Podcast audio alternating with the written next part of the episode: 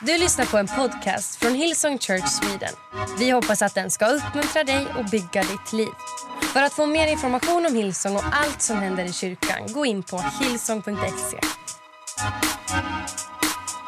Well, välkomna alla campusar. Eh, ni som har länkat innan och ni som länkar in nu. Jag har 500 predika idag. Här i norra nästa vecka och i city har vi inget möte nästa söndag. För då är vi på Globen i Jesu namn, eller hur? Och då ska alla vara med. Men idag har jag förmånen att predika eh, till oss, tack teamet. Och eh, eftersom det inte är palmsöndagen, som jag trodde först, eh, utan att det är advent. Jag måste läsa på i det här kyrkoåret lite grann. För mig är det alltid palmsöndagen. Jag vill alltid ropa Hosianna, så det är, det är vad det är.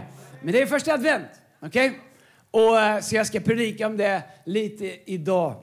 Jag hade förmånen att predika i city förra veckan. Eh, eh, vilket jag inte ofta gör eftersom vi sänder härifrån. Och därefter köra ner till Göteborg. Eh, det var lite dåligt väder, men jag kom precis till mötet.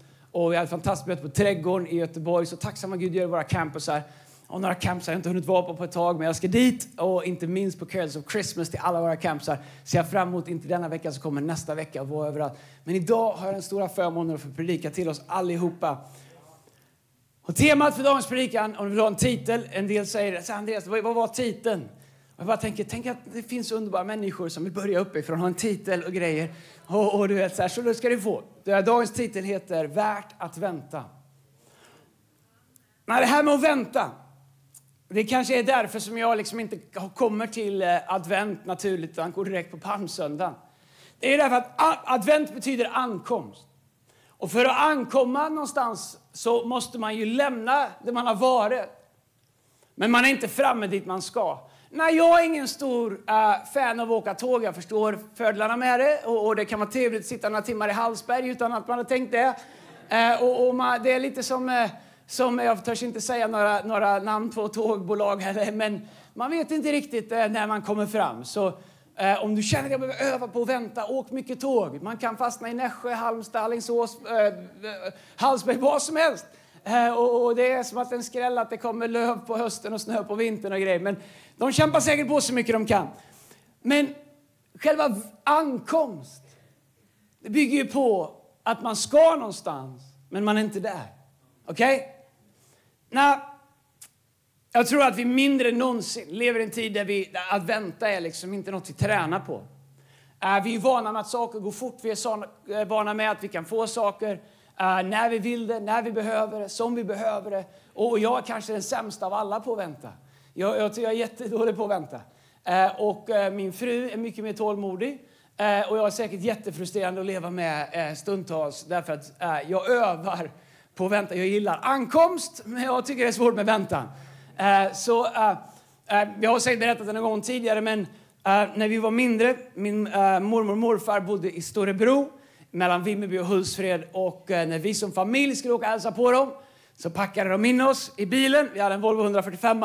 Eh, pappa är här, han kommer ihåg den. Han satt planade toppen på den och satte på dubbla VB-förgasare och lite annat sådär. Så den gick bra eh, för att vara på den tiden. Men jag vet inte om ni kommer ihåg, alla ni som var med, det blir lite så här åldersundersökning här och bilentusiaster att baksätena på de gamla Volvo 145 hade liksom hjulhus som stack in i baksätet. Så den som satt ytterst fick ju sitta lite så här för att eh, liksom, julhuset gick in där. Kommer ni ihåg det? Upp med handen om du kommer ihåg det. det är inte, jag kommer ihåg det så det är okej. Okay. Uh, och, och, och, eh, och sen så var det ju ganska smalt däremellan och, och det fanns ju tre stycken uh, uh, bälte. Ett på varje sida, så här trepetsbälte och ett, och ett midjebälte i mitten. Men vi var ju fyra barn. Tre grabbar då och eh, en tjej och han hade inte fötts än. Och jag vet inte hur det gick till och jag vill inte på något sätt raljera. Men eh, säkerhet var väldigt viktigt. Pappa jobbade med Röda Korset och, med, och vi var tidiga med att tänka på säkerhet såna här saker. Och, och, och, och, på något sätt så kom man då fram till att eftersom Maria som var minst inte fick något eh, bälte i baksätet eftersom det bara fanns tre och vi var fyra barn så fick hon en slalomhjälm. Uh, så, uh, jag vet inte hur du kommer ihåg det farsan. Men, uh, Eh, och det, jag, jag förstår hur man tänkte. Hon hade en gul slalomhjälm. Eh, det var min storbrors slalomhjälm Marcus. Den var gul med blåa fartränder på så. Och, och eh, för att skydda hennes huvud så. Eh, nej, om man sätter en tjej mellan tre storebröder Och hon har en slalomhjälm på huvudet. Och man ska åka tre timmar. Så sätter man ju upp henne för att det kommer dunka i skallen i länge. Alltså, du förstår att du vet, det var ju inte roligt. Och så hade hakskydd hade också. Flaskskydd, så vet, så här. Och åkte man på sommaren så var det så varmt så vi satt i liksom i kallingar och vi var ju små och du vet så här. Och, vad säger, galonklädsel var det på den tiden. Så man, liksom, man behövde egentligen bälte för man svettades ju fast i sätet. Man kom ju ingenstans. Eh, och, och sen så det, det var ju, fanns ingen AC på den tiden i bilar. Och där satt vi då fyra barn i kalsonger eller shorts eller underkläder och bara överkroppar och bara ben. Och, och bara Maria då i eh, värmen som var i bilen hade en slalomhjälm också. Fruktansvärt varmt måste det ha varit. Eh, fruktansvärt jobbigt måste det ha varit att och sitta mellan oss. Och där, men vi satt fastklibbade mot sätena mot varandra. Så satt vi och bankade på den där. Så Maria hade då eh, Uh, och, och, det fina med att predika att man får predika det så man kommer ihåg det. Ni kan stämma av med farsan i foajén efteråt om det bara var en bra predikan eller om det var helt sant. Men det här är så jag minns det och det är jag som predikar. Uh, uh, men det jag minns det är ju att man, vi behöver inte köra länge innan Maria efter sen. Jag tänkte på det där med hjälmen att du vet hade vi, uh, hade vi krockat jag vet, det kan ha hjälpt henne, men det hade nog dödat resten av oss som en bowlingklot där inne i bilen. Men whatever. Men vi hade inte behövt åka länge. Man körde till Tidaholm, kom till Sundsvallskorset, körde vänster, kom ner mot eh, Mullsjö-rondellen där, den Nyhem, ni som har vuxit upp där, eller varit där, och så ner mot Jönköping. Och det gick inte lika fort på den tiden som det gör nu. Så vi hade inte åkt länge för Maria första gången sa, när är vi framme? Helt uttröttad av tre bröder, varav jag och min lillebror kanske var, har lite överenergi. Satt och hamrade på det, spelade trumma och, och, och puttade huvudet fram och tillbaka som en pingisboll. Det var tufft för henne, så hon var inte mer än fem sex år. Uh, och, och, så hon började, när vi är framme! Och det var, det är långt kvar, sa mamma och pappa. Det är, sluta tjata. Liksom. Så gick det liksom tre minuter. Nej, det är långt kvar, när är vi framme? Jag förstår henne, hon ville ut ur situationen. Men uh, du vet, tre timmar, när är vi framme, när är vi framme, när är vi framme? Som att du vet, det har hänt någonting på en minut. Uh, och, och, och, och, och det där, när är vi framme, när är vi framme? Och, jag tänker på det där ibland, jag tänker att det är ju, och, och, om du har haft barn så vet du att just tidsuppfattning är inte alltid en paradgren. Eh, och, och, sådär, va? och är man i en tuff situation så vill man vara framme. Men vi vill ju vara framme, eller hur? Vi vill ju vara där. Och vi är ju lite som min syster var med en slalomhjälm mitt i sommaren med ett gäng huliganer runt sig som vill ut och bort och fram. Och vi gillar inte att vänta. Och, eh, vilket gör att vi ibland tar saker i egna händer. Och vi ser massa, vi ser massa berättelser i Bibeln. Vad som händer när man inte väntar. Sara säger till Abraham, sluta vänta på Gud, vi löser det själva, gå till Haggai. Så kommer Ismael, som är liksom en, en annan rot från Abraham än vad Isak är, Guds folk. Mycket av spänningarna kommer därifrån som finns runt om i världen. För Abraham vill inte vänta och vi vill inte vänta så vi säger Gud, tala till oss. Och Gud säger okej, okay, så här och vi säger amen. Och så sker det inte och säger Gud vad är det för fel? Jag är, det skulle komma direkt. Och vi säger nej det kommer sen.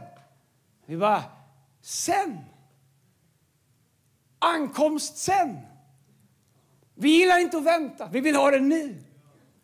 Jag inser hur mycket bara på en generation saker och ting har ändrats. Och jag ser på mina ungdomar som växer upp att saker som var naturligt när jag var yngre och vänta på, jag gillar inte heller att vänta på dem längre. De sakerna vill vi inte vänta på längre. Jag bara skrev några saker. Uppkoppling. Jag kommer ihåg när vi, jag kommer ihåg, jag är inte bra på datorer, ADSL, det där via telefonnätet. Skulle liksom börja ladda upp Aftonbladet Sport, du vet så här. Du vet så här, man har varit laddat, laddat, laddat, tio minuter och så lyfter morsan luren och så är det kört och så är det frustrerat och så du vet man börjar om. Eh, du vet, så nu är det fiber. Om inte sidan kommer upp efter en sekund! Eh, pappa, vad är fel på wifi? Nummer ett är jag fel folk att fråga jag kan trimma din moppebil men jag vet jag kan inget om wifi. Uh, men det ska funka direkt. Nej, jag var nöjd med om det loggar upp på 10 minuter. Det var en första dator. Commodore 64, skruva på turbon, försöka få igång det där kopierade spelet lite grann. Det var fine. Men nu vill vi inte vänta. Commodore 64 hette de till och med. Jag prenumererar på Buster, en tidning. Den kom en gång i månaden. Nej, jag har inte gjort heller. Ni kanske läste Hemmets Herald, men jag läste Buster. Eh, och Buster kom en gång i månaden. Och jag väntade på Buster. Nästa gång Benny Guldfot, Supermac. Come on somebody. Eh, och du vet, man fick vänta på den där. En gång i månaden så kom den. Och den när den kom, du vet, det var fantastiskt. Så läste man den försiktigt. Du vet, men, eh, du vet, nu, vänta en månad på någonting. Öppna Instagram, den funkar, ska funka nu. Youtube ska funka nu. Men Buster var i min Youtube, med, fast på papper, fast den kom en gång i månaden. Tips extra. När jag vet att jag är långt bort i tiden och jag vet att jag är bland heliga människor som inte kollade på fotboll på söndagar och lördagar och sånt där. Men tips hade man ett favoritlag, du kunde ju gå månader innan man fick se sitt lag igen. För det skulle vara liksom Ipswich och Middlesbrough eh, emellan en helg. Och sen skulle det ju vara liksom eh, Southampton, du vet så alla möjliga lag. Det var en match. Sitter där och väntar i månader på att man skulle få se Manchester United igen.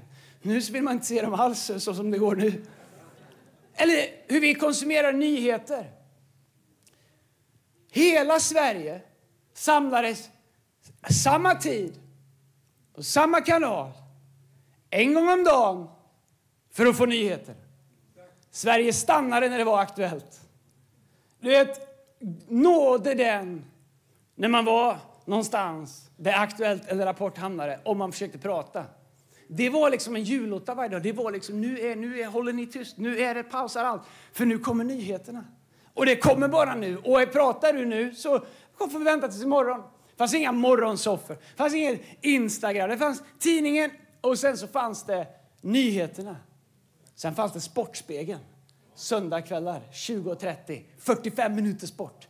Alltså som jag längtar. 45 minuter sport. Alltså hur har ni vuxit upp? Har ni inte gjort det här? Va? Vad gjorde ni? Tog ni ett manna ur burken på söndagskvällen? Och tänkte, jag, jag fattar, jag förstår. Gud, ni är bättre än vad jag är. Men jag ville se Sportspegeln. Och, och, och, du vet, så här, jag växte inte upp i en sportfamilj så man var tvungen liksom att se till att man hamnade hemma hos någon kompis där det verkligen var liksom, där Sportspegeln var samma sak som högmässan för kristna var. Där man fick se Sportspegeln ordentligt. Jakob Hård kommenterade, Christer Ulsbåg, Plex och hej lyssna på en Feles-podd från i, i fredags där vi pratade om det. Eller att man skrev brev och väntade på ett svar. Vem gör det? Man skickar iväg ett mejl. Man får, jag, får, jag får mejl men jag har inte svarat samma dag. Hej, jag vet inte om du fick mitt mejl. Jo, jag fick ditt mejl! Nej, så jag har lite annat. Ja, det är jätterent. Det, det, det, det, kommer. Okej. Okay. Jag ska bara gå på toa först. Okej, okay, liksom, jag, det, vet, så här. Men skicka ett brev. Jag väntar liksom två veckor på svar. En månad om det var en myndighet. Vem vill göra det längre? Eller beställa saker på nätet. Så bara bestämma någonting. Mellan sju och nio dagars leverans. Bara, aldrig, skämtar eller? Jag vill ha med Budbee idag eller med Airme, vad det nu heter. Idag ska det vara här, ikväll ska jag stå här. Och jag ska inte behöva signa av heller, det ska bara stå utanför dörren. Eller hur? Så jag undrar vad det gör med oss när det kommer till Guds planer i våra liv. Och det som faktiskt är värt att vänta på. Nej, jag tycker allt har blivit bättre. Men jag undrar om det har förändrat vårt sätt att se på vår relation med Gud och vår vandring med Gud. Om det är så att det kanske finns saker som Gud vill göra i våra liv som vi missar. För att vi vill ha leverans idag. Eller vi vill ha svar direkt. Eller vi vill, ha det, vi vill inte bara ha det en gång om dagen som på eh, Rapport eller på nyheterna utan vi vill ha det direkt men inte bara direkt, vi vill ha det när vi vill ha det.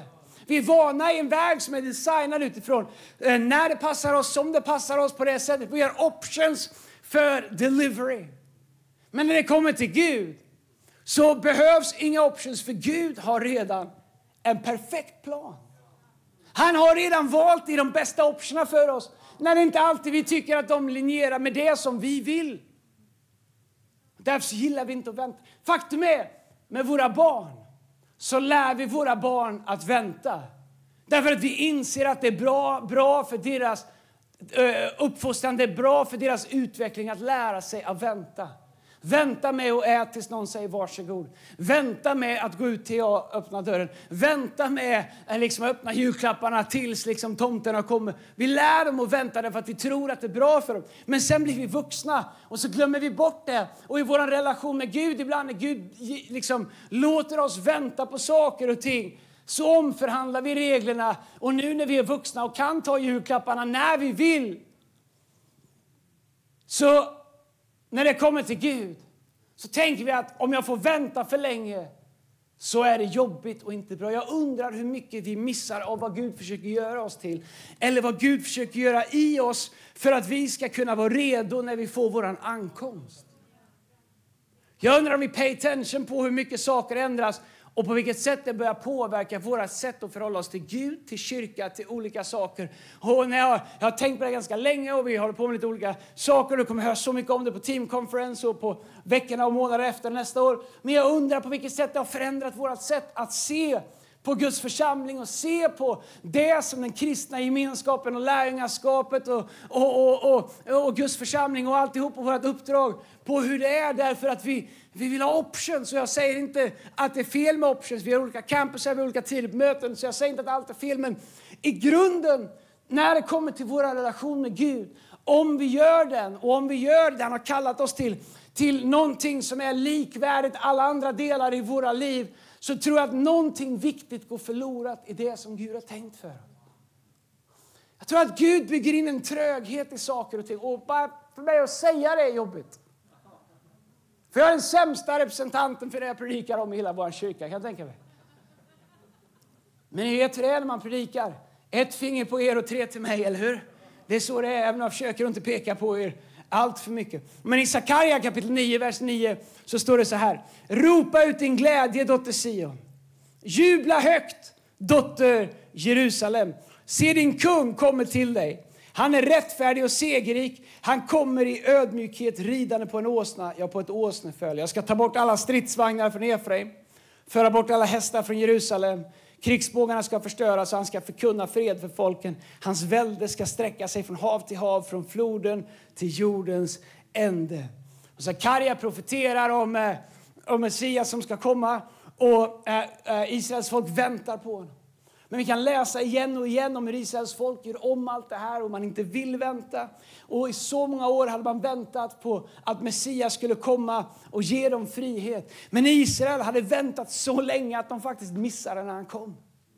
Under tiden de väntade så hade de omförhandlat, gjort om, byggt nya vanor, byggt nya ingångsvärde. Liksom, de hade gjort väntan till någonting permanent. Så det som de hade väntat på när Messias kom, de flesta som hade väntat i generationer missade att han kom. Därför att vi gillar inte att vänta. Och, och grejen är att de kunde inte tro att det de hade läst om i profetrullarna skulle komma under de omständigheterna. När vi beställer något på nätet så kan vi välja hur det ska komma. Vi kan välja hur det ska levereras. Vi kan välja om de ska knacka på dörren, lägga det utanför, ringa på. Vi, vi kan styra allting med ankomsten. Men med Gud så kan vi inte alltid göra det. Och Gud han ger oss inte alltid ens ledtrådar om hur saker och ting kommer fullbordas i våra liv. Utan han säger, lita på mig. När lärjungarna säger till Jesus, du hur blir det med han där?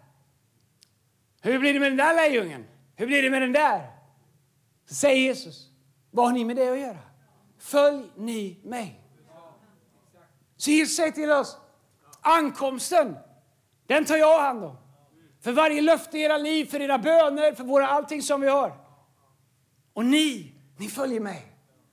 Därför att jag lovar dig att efterföljandet av Jesus varje dag kommer visa sig viktigare än det vi ankom till som vi väntar på. Vi vill ha vårt helande. Vi bad om mirakler. Människor längtar efter att bli gravida. Människor längtar efter att deras barn ska bli fria från droger. Jag förstår värdet av ankomst, men jag har också upptäckt värdet av vad Gud gör i våra liv på vägen dit. Och ibland är eh, liksom när resan väl är klar och vi är framme så visar det sig att framme var bra. Men resan har varit så mycket viktigare och gjort så mycket mer nytta i våra liv än vad vi förstod. Att ankomsten ibland var bara ett mål för att vi skulle göra den där resan. Så själva ankomsten blev mer ett fullbordande fast vi trodde att det var allting.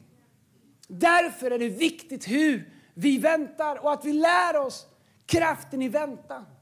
Att vi liksom lär oss det vi lär våra barn, värdet av att vänta. Och hur man väntar på rätt sätt. Faktum är att Israels folk de gjorde väntan till det nya normala. Så de omförhandlade hela löftet. Och så gjorde de väntan.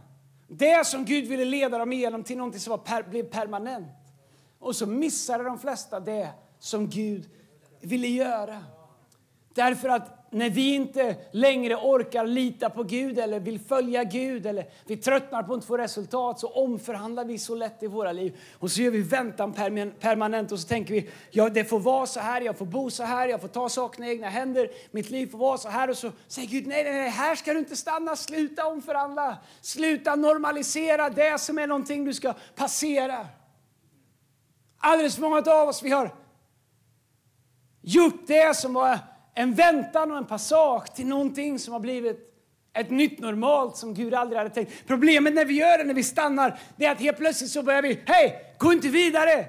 Hej, gå inte, stanna här nu, så nu får vi inte göra mer för då, jag har precis bestämt mig för att här stannar jag. Och inga människor är mer frustrerande än de som bestämmer sig för att stanna och göra ett nytt normalt i någonting som vi borde gå, gå igenom. Den frustrationen man ibland får från de människorna när de börjar säga att människor vill gå vidare och fortsätta följa Gud och fortsätta göra saker. Och det som det ibland kan slita både i familjer och kyrkor och alla möjliga olika saker. Det är inte att leka med. Därför är det så viktigt att vi förstår vad Jesus säger, vad han menar när han säger följ du mig. Att i efterföljelsen så finns också vila. Så finns också förtröstan. Alldeles för många orkar inte vänta så de stannar i mitten och anpassar sina förväntningar och sin vardag efter något som nästan har kommit. Jag tror jag skriva ner, det, har kommer inte ihåg det annars. Och låt mig säga det igen. Alldeles för många av oss orkar inte vänta så vi stannar i mitten mellan det Gud kallade oss till någonting eller sa någonting till oss. Mitten mellan det och ankomsten Gud har tänkt. Alldeles för många av oss vi orkar inte vänta så vi stannar i mitten och anpassar våra förväntningar. Ibland även vår teologi, ibland är vår gudsbild och vår vardag efter något som nästan har fullbordat eller kommit. Så nöjer vi oss med mindre, så bygger vi teologi, så bygger vi liksom liv som är mindre än vad Gud har tänkt därför att vi orkar inte fortsätta följa honom så vi omdefinierar det. Väntan, att vara på väg, att vara på gång men ännu inte framme. Jag tror att Gud låter oss vänta. Jag tror att Gud låter oss, äh, Gud låter oss vänta så att han kan göra saker i oss, expandera oss, men också för att vi ska skifta. Så här skulle jag säga, det här är min egen upplevelse. Ju mer jag fokuserar på hur ska vi ta det här framåt, ju mer låter Gud mig vänta ibland.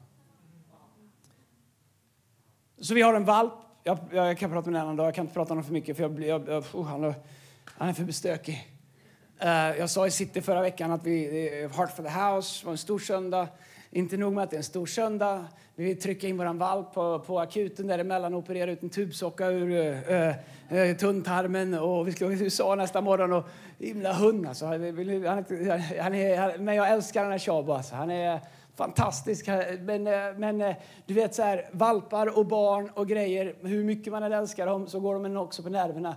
Men den här Chabo, ah, det går inte att låta bli att älska honom, han är en karaktär. Så en av de sakerna man gör med valpar, jag gillar hundar, massa hundar, eh, är att man lär dem att fråga med sina ögon. Så när han får mat så får han sätta sig ner och så håller matskålen och då, det, ni som har hundar ni vet, och så står han och vill ha mat. Men han får inte mat. Inte förrän han tittar med ögonen. Han får inte gå ut genom dörren för att titta mig. Det lär de sig efter två gånger. Det sättet som jag får det jag vill är genom att titta Husse eller Matte i ögonen. Jag tror att Gud är likadan ibland med oss. Vi liksom, öppna en dörr, wow, open! Och du vet så här. Och Gud bara, hej, sluta fokusera på dörren. Och Gud bara står där och vi bara, wow, på krigsfälten säger det, här kommer vi. Wow. Och Gud bara, hej, look at me. Ibland vi ber och fastar, vi deklarerar och vi gör alla möjliga saker. Gud säger hej, look at me. Vi säger Gud varför öppnar du inte en dörr? Gud varför exploderar inte mitt företag? Gud varför gör jag inte det? Och Gud säger hej. Om jag öppnar den dörren nu utan att du ens följer mig längre eller tittar på mig längre så kommer du bara komma längre bort ifrån mig. Guds vilja är att vi ska vara nära honom. Han kan öppna och stänga dörrar hur enkelt som helst. Det är ibland som att vänta ner att Gud säger yes, jag vet hur vi ska öppna den dörren. Det behöver du inte oroa dig över. But look at me. Vi sjunger den sången, jag mina favoritsånger i världen. Fäst dina ögon på Jesus. Se in i verkligheten själv. Älskade den se in i verkligheten själv. Därför att vi säger, ja men låt mig säga hur det verkligen är och så vill vi berätta om våra omständigheter. Men vad är verkligast? Det Gud säger, eller det Gud har makt att göra, eller det Guds ord säger. Vad är verkligast? Det som vi ännu inte har ankommit till, eller det som vi just nu ser? Vi lever och hävdar att det vi ser kan ta på det som går att materialiseras, det vi känner och upplever, det är verkligare. Och Gud borde fatta det och göra någonting åt det. Men den här sången är fäst dina ögon på Jesus. Se in i verkligheten själv. Det är som att Gud vill att vi ska vänta ibland. Och han säger, hej, yes, vi ska öppna den dörren. Yes, jag vet att jag har sagt det. Yes, jag är Gud, jag kan inte glömma. Jag har inga fläckar, jag har inga, liksom, jag har inga, do, jag, liksom- han har liksom inga, inga dolda vinklar, vad heter det, liksom döda vinklar. Han, han kan öppna, han kommer öppna, han kommer fullborda, han kommer göra alla de sakerna. Men det är som att han säger, lyssna, du tror, det som att Gud säger, du tror att du behöver en öppen dörr. När jag vet att om du går igenom den dörren utan att följa mig så kommer den inte leda dit jag har tänkt att den ska leda. Så det är som att Gud låter oss vänta och säger Gud, precis som jag gör till Shabo, hey, look at me. Tänk om vi vore lika smarta som Shabo. När min andra hund, han har bara ett öga, han, vet, han har fallit där för länge. Han, han vet att han ska göra det. Men till och med med ett öga kvar så går det faktiskt titta på husse och få det man behöver. Men hundar fattar det på sekunden. Vi är trögare. Jag är 48 år och har inte fattat det fullt ut än. Och Gud säger, look at me. Titta på mig. Gud vill att vi ska vänta. Varför gör jag det med min hund? Därför att jag vet att om jag lär honom fråga efter enkla saker så kommer det, när vi kommer till korsningar och det händer saker, då kommer han förstå att, att genom att titta på husse så, så kan jag fråga honom, kan jag göra det här, kan jag springa över det? Och om man lär en hund att fråga genom ögonkontakt och, det, och, och på så sätt så bygger man liksom ett bond och ett för, förarskap och olika saker. Vi behöver inte snöa in på det. Men det är samma sak med oss och Gud. Gud säger lyft blicken, vad säger David? Hela psalmen 31 är väl, jag lyfter ögonen mot berg. Min hjälp kommer ifrån honom. Läs i Bibeln hur många gånger det står jag lyfter blicken, jag fäster ögonen. Eh, när jag, eh, och, och, och, genom hela Bibeln det är som att Gud säger look at my face. Men vi har fullt upp och tittar på hans hand och säger Gud kommer du göra det nu? Vi är liksom redo som någon ska släppa en puck som att det är liksom give it to me, give it to me, ge mig, ge mig, ge mig, släpp pucken, jag vill ha, jag vill ha. Men Gud säger look at my face. Det här ifrån du får vad du behöver. Därför är väntan värd. Därför att det som kommer ifrån Gud är alltid allting vad vi behöver. Så hur väntar man på Gud? Sista minuten av den här predikan. Hur, well, jag är inte säker på det. Egentligen borde Lina ha predikat om det här. Därför att hemma i vår familj så har vi ju två barn och de får ju så att det är mina och Linas barn så de får ju en skvätt av våra bådas gener. Eh, det blir ju någon slags eh, mix där. Ska att båda våra barn har ju fått väldigt, väldigt mycket bra från sin mamma och så har de fått lite grejer för mig. Just det här med att inte vara bra på att vänta, det tror jag det gick bara rakt förbi alla Linas DNA-grejer, rakt in i barnet. Jag kan tänka mig för Lina ibland, som hon kommer från en familj med tålmodiga. Lina har en engelskt tålamod och eh, hon har det från sin pappa och det är, de är liksom trofasta, tålmodiga. Och så har hon mig och två likadana avkommor. När massa andra saker har de fått henne, så tacka Gud för det. Men du vet, jag kan tänka mig hur det är att leva med henne, eller för henne att leva med oss ibland. Jag kan tänka mig hur det är för Gud att leva med oss ibland. Eller hur? Du vet, tänk på Gud och Lina hur de har det. Det ska ni göra på veckorna. Jag vet inte vem det är värst för, men eh, båda behöver nog bli ihågkomna lite grann när vi går igenom livet. Men hur lär man sig att vänta på rätt sätt? Så att väntan blir till nytta. I Psaltaren kapitel 40, vers 1 så skriver David så här för körledaren av David en psalm så skriver han så här. Uthålligt väntade jag på Herren. Uthålligt väntade jag på Herren. Inte bara väntar utan uthålligt. Sen kommer ett ord som är the key. Och jag har inte ens tänkt på det innan fast jag predikat det så många gånger. Uthålligt väntade jag på Herren. Tills. Tills. Hur länge väntade han på Herren? Tills. Hur länge var det? Jag har ingen aning. Hur långt är mitt tills? Jag vet inte. Det kan vara olika för olika saker. Jag ber Gud om eller som Gud har kallat oss till. Hur kapabel och hur villig är jag att vänta uthålligt tills? För en sak är säker, det finns ett tills. För allt som Gud har talat. Gud kan inte säga någonting och att det inte kommer ske. Det går inte. Gud kan inte. Det är emot hans natur. Han kan inte säga var det ljus och det inte blir ljus. Han kan inte ge ett löfte utan att det kommer fullbordas. Frågan är bara om han kan ta oss till den platsen där han kommer fullborda det. Om vi är villiga att vänta uthålligt tills. Är vi villiga att be tills? Är vi villiga att förtrösta på honom tills? Jag fattar att det är jobbigt och jag fattar att det är svårt. Och när allting som vi ber för, vi kan be för familj, för barn, för olika saker, saker som ligger oss nära, där våra känslor är kopplade till och vi bara känner jag är bättre, jag är bättre, jag är bättre, jag är bättre. Och vi känner att det blir svårare och svårare men Gud kommer aldrig låta det gå så långt att, vi inte, att det inte kommer ske. Därför så är det viktigt att vi förstår vad David säger när han säger för jag, uthålligt väntade jag på Herren tills han böjde sig ner. Det David behövde var att bli luft, lyft ur den djupa dom. Uthålligt väntade jag på Herren tills han böjde sig ner och hörde mitt rop. Han drog mig upp ur fördärvets grop, ur träsket och dyn och han satte mina fötter på en klippa. Och han ställde mig på fast mark, han gav mig en ny sång i min mun, en lovsång till Gud. Många ska se det och frukta och sätta sin lit till Herren. Lycklig är den som förtröstar på Herren och som inte vänder sig till de stolta, till de som viker av till falska gudar. Herren min Gud, du har gjort många under och planer för oss. Ingen är som du. Om jag ville tala och berätta om dem så är de så många att jag inte kan räkna dem. Så David han säger samma sak. Han säger uthålligt väntar jag på Herren tills han hörde mitt rop. Och så går han vidare och säger att lycklig är den som sätter sin tillit till Herren. Lycklig är den som förtröstar på Herren och som inte vänder sig till de stolta eller viker av till falska gudar. Och det han menar är inte liksom att om Gud inte svarar så går jag och gjuter en guldkalv. Men en avgud är allt som vi hoppas på mer än vad vi hoppas på Gud. En avgud i våra liv är allt som vi litar på mer än vad vi litar på Guds löfte. Nej, jag är för pensionssparande, men vet du vad? Jag litar på att Gud har en plan för mitt liv. Jag är med i pensionerna, jag har ingen aning. Jag, jag, jag är inte bäst med de där kuverten. Jag tänker att det, det är vad det är. Det blir en överraskning. Eh, jag, jag, vi är med och vår personal, vi är bra. Vi, är bra. vi har håravdelning och allt sånt där. Det är jättebra. Vi har folk som kan sånt kan jag säga. Men jag är inte bäst på det, men vi har sånt. Men vet du vad? Jag litar på Gud.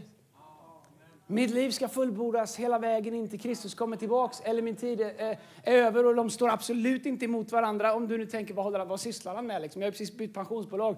Good on you! Vishet kallas det, jättebra. Men vet du, vi måste ändå hoppas på Herren mest av allt. Vi måste hoppas på Gud mer än det. Hoppas på Gud mer än inflationen. Hoppas på Gud mer än att räntorna går ner. Vi måste hoppas på Gud mer än att vi får bönesvar på det vi har bett om. Därför att det är det David säger uthålligt väntade jag på Herren tills han hörde mitt rop. Han skriver uthålligt, att vänta uthålligt, tålmodigt, förtröstande att en dag kan det ske. Vi pratade om det i podden jag och Erik i fredags att så många år, så innan vi startade Christmas för 15 år sedan så har vi sagt till varandra och i teamet och Lina, en dag ska vi vara på Globen. Du vet, vi började säga det, det var helt irrelevant. Det var bara så puckat för det fanns liksom diskrepanser mellan vart vi var. Och bara tänka, du vet, ens att vi skulle få ett möte med någon på Globen. Det var så långt. Och jag står och försöker sälja biljetter till Globen och liksom fylla Globen. Men du förstår, när vi sa det var det, det var så otänkbart, det var så långt borta. Men du vet, där, om vi väntar på Gud, om vi är tålmodiga, om vi håller fast i vad Gud har sagt, Gud kan göra mirakler i våra liv. Vi vet inte när. Och hade, hade, hade jag tänkt att det kommer ta 15 år, då hade vi gett upp på det. Men du vet så här, Gud, han är mäktig att göra vad han har sagt. Grejen är så här att... Just det, då är det snart slut. Oh. Ja, du har ju helt rätt. Det är bra. Kom heligande. Vi får punkterna. Jag kommer nästa vecka få punkterna, men då är inte, då är inte jag här för då är vi på Globen. Men... tror det här med väntan. Det handlar ganska mycket om det här. Kan Gud be dig göra något som kräver att medans du gör det väntar uthålligt på vad Gud har lovat? Jag tror att min förmåga, min villighet att vänta är väldigt avgörande på för vad Gud kan anförtro mig. För vissa saker som Gud kallar oss till att göra, det tar en stund. Därför är det avgörande för att följa Jesus. Att vi lär oss att vänta på Herren efter rätt, på rätt sätt. Att vi lär oss att förtrösta på honom. Av hela vårt hjärta, hela vårt förstånd.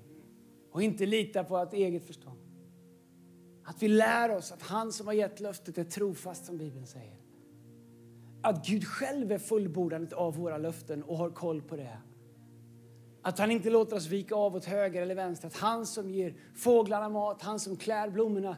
Att han tar hand om oss, att han har koll på oss. Så vilken situation du än befinner dig i just nu, tro inte för ett ögonblick att Gud har tappat bort dig eller glömt dig. Eller att han har så många löften han har delat ut att han inte har koll på allihopa. Några goda vänner till oss hälsar på oss just nu. Kevin är en av mina bästa kompisar från när jag var ung. Och, uh, i, i, USA, han har gift sig, de har fått barn i vår ålder och, och våra barn reser vuxit upp tillsammans. De är här med fyra barn. Jag tänker, gode Gud, fyra barn, vill hålla ordning på alla dem. Det är alltid någon som saknas kan man tänka sig när man är ute och reser. Uh, och, uh, men man tänker, får man med sig de flesta hem så är det väl ändå en bra dag. Men du vet, Gud är inte sån. Det är inte så att han har så mycket löften ute att han inte har, han har koll på dig. Han har koll på vad du behöver. Han har koll på vad han har lovat, han har koll på vad du har bett om, han har koll på vad du längtar efter, han har koll på vad det, det, det du behöver för helande, han har koll på vad du ber om i ditt äktenskap, han har koll på vad du ber om för dina barn, han har koll på vad du ber om för ditt företag, han har koll på de löftena och de drömmarna som du en gång drömde, som du undrar, kommer de gå i fullbordan? Gud säger, jag har koll. Det här är inte en bortkastad tid i ditt liv. Det här är inte en bortkastad period. Det finns värde i väntan. Det finns värde i att vila i Gud. Det finns någonting med att följa honom och lära sig att lyfta sin blick och se honom i ögonen, se honom i ansiktet som gör mer i oss. Och kanske är det så att när vi kommer fram till det vi trodde var allt vi behövde så inser vi att det här var inte längre någonting som var så jätteviktigt för mig. Men resan hit har varit avgörande för mig. Tänk om det är så att vi till varje pris vill vi vill liksom fast-tracka, vi vill skynda oss igenom resan som Gud försöker ta oss på för att vi tror att allting finns i ankomsten. Jag vet inte ens om ankomsten är så viktig, men jag vet en sak att varje steg som vi tar i efterföljelse av Jesus är absolut avgörande i våra liv. Därför behöver vi inte bli som Israels folk som glömde bort vad de väntade på. Eller omförhandlade vad de väntade på. Eller till och med missade det de hade väntat på när det kom. Vi fortsätter lyfta vår blick till Gud. För här är grejen, medan du väntar uthålligt på det du tror är det som är det viktigaste så kommer Gud alltid göra någonting i dig som är ännu viktigare. Galaterbrevet 6 och 9 står det så här. Låt oss inte tröttna på att göra gott för vi ska, inom, för vi ska i sinom tid Alltså när det är dags få skörda bara vi inte ger upp. Predikaren säger det finns en tid och ett tillfälle för allting. Alla är beroende av tid och tillfälle. Gud har en tid, Gud har ett tillfälle, han har en timing som är impeccable, den är perfekt, den är utan någon som helst brist. Det är inga fel på den. Den är inte alltid den lerar med våran timing eller hur vi vill ha det. Eller optionerna vi vill ha när vi beställer och vill ha saker levererade. Men Guds timing är perfekt. Så förmodligen, om jag inte har fått det jag behöver än, så kan jag säga Gud, jag vet att du har det här i din hand. Gud, jag vet att du är perfekt. Gud, jag vet att du inte tappar bort mig. Gud, jag vet att du har hört min bön. Jag har lite punkter. Hade jag tagit någon av dem hade jag pratat om Daniel som ber till Gud. Och efter 21 dagar så kommer ängeln med svar och han säger, hej vi hörde din bön första dagen, säger ängeln Gabriel. Men först när persen stod oss emot så Mikael fick komma och backa upp. Så ängeln säger, hej din bön är hörd. Jag vill säga till någon som är, Gud har hört din bön och han är på väg. Men fortsätt att följa honom, fortsätt att lita på honom. Omförhandla inte ett bönesvar och ta någonting som inte är ett bönesvar och gör det till ett bönesvar för att du inte vill vänta längre. Jag har saker i mitt liv som jag desperat väntar på som jag desperat behöver. Jag har böner för min familj, jag har böner för dig, jag har böner för vår kyrka, jag har böner för vår vision, jag har böner för mandatet som vår kyrka bär. Jag säger Gud, jag ser inga dörrar, jag ser inga vägar Gud. Hur ska det ens gå? Kan jag ens deklarera det här längre? Men jag inser att jag är inte, det är inte mitt ansvar. Ankomsten är inte mitt ansvar. Mitt ansvar är att höra hans röst när han säger, bry dig inte om det, följ du mig. Fortsätt att följ mig, lyft din blick. Se in mina ögon, eh, lita på mig och, och, låt mig göra det i dig. Tack gode Gud att Gud inte gav oss Globen för 15 år sedan. För då hade vi gått sönder och vi hade aldrig klarat det. Gud visste att vi behövde 15 år för att möjligtvis med ett mirakel och ett skohorn klara Globen. Så vi fick vänta 15 år. Tack gode Gud. Men vad fantastiskt det är att 2013 så kunde vi profetera om det här genom att projicera en, en logga med Jesus på Globen. Så att människor redan blev frälsta då av visionen som vi bar. Att idag, 15 år senare, få vara på Globen. Fattar du hur Gud jobbar? Förstår du hur Gud är? Och Gud är samma i ditt liv. Därför fortsätt att deklarera, fortsätt att proklamera, fortsätt att följa, fortsätt att tro, fortsätt att lita på Gud att han som har startat ett gott verk i dig, han är mäktig och trofast. Och Bibeln säger att han kommer fullborda det, även inte Kristi dag. Han har hand om ankomsten, vi har hand om efterföljelsen. I Jesu namn. Så ankomst, väntan, det är värdefulla saker som Gud vill ge oss. Säger Bibeln i Uppenbarelseboken 3 och 20. Se, jag står vid dörren och knackar. Om någon hör min röst och öppnar dörren ska jag komma in till honom. Och vi ska äta tillsammans. Det betyder att Jesus vill komma in i våra liv. Men det betyder också att Jesus kommer för att hämta oss tillbaks. Det betyder att Gud har en timeline. Gud har en plan. Och Jesus han står redo. Och jag vet att på några campusar så kommer det komma upp en campuspastor alldeles strax. Men innan vi gör det så vill jag be en bön. Och jag vill att du ska veta att Jesus, han tycker att du är värd att vänta på. Det Bibeln säger att Jesus han står och väntar utanför vårt hjärtas dörr. Jag vet när jag, jag växte upp med en tro och jag trodde på Jesus och alla mina saker men när jag fullt ut gav mitt hjärta till Jesus, när jag fullt ut öppnar upp varje dörr i mitt hjärta till Jesus, så tänker jag Jesus, hur kunde du stå där och vänta så länge? Alla andra som jag hade svikit på det här sättet hade lämnat mig för länge sedan. Men Bibeln säger att Jesus, han står kvar för han väntar på oss. För han älskar oss så mycket. Och även om du är idag som har trott på Gud länge, Gud har inte slutat vänta på dig. Du som har liksom zigzaggat lite, Gud har inte slutat vänta på dig. Han väntar fortfarande på dig. Du är fortfarande hans. Men överallt på alla våra campsar och överallt online med alla huvuden böjda, alla ögon stängda. Om vi skulle kunna få be en bön, om du bara ger din granne lite privacy, så vill jag ge dig en möjlighet att idag öppna ditt hjärtas dörr där Jesus har stått och väntat hela ditt liv. Bibeln säger att om någon öppnar upp sitt hjärtas dörr, som att ditt hjärta har en dörr där du kan öppna den dörren och se att Jesus står utanför. Med förlåtelse, med frid. Med mening med livet står han där redo att ta med allt det in i ditt liv eftersom det är vem man är. Han kräver inte ankomst, han kräver inte tillträde. Men Bibeln säger att han öppnar, han går in genom varje hjärta som öppnar sig. Du behöver inte förstå allt, du behöver inte ha all tro i världen. Du behöver bara så mycket tro så du säger, om det här är sant som Andreas säger, då vill jag öppna mitt hjärta. Om Jesus har väntat så länge, då vill jag öppna mitt hjärta och ta emot honom i mitt liv. That's it, det är allt. Om du aldrig någonsin har gjort det, då skulle jag vilja be en bön för dig och tillsammans med dig.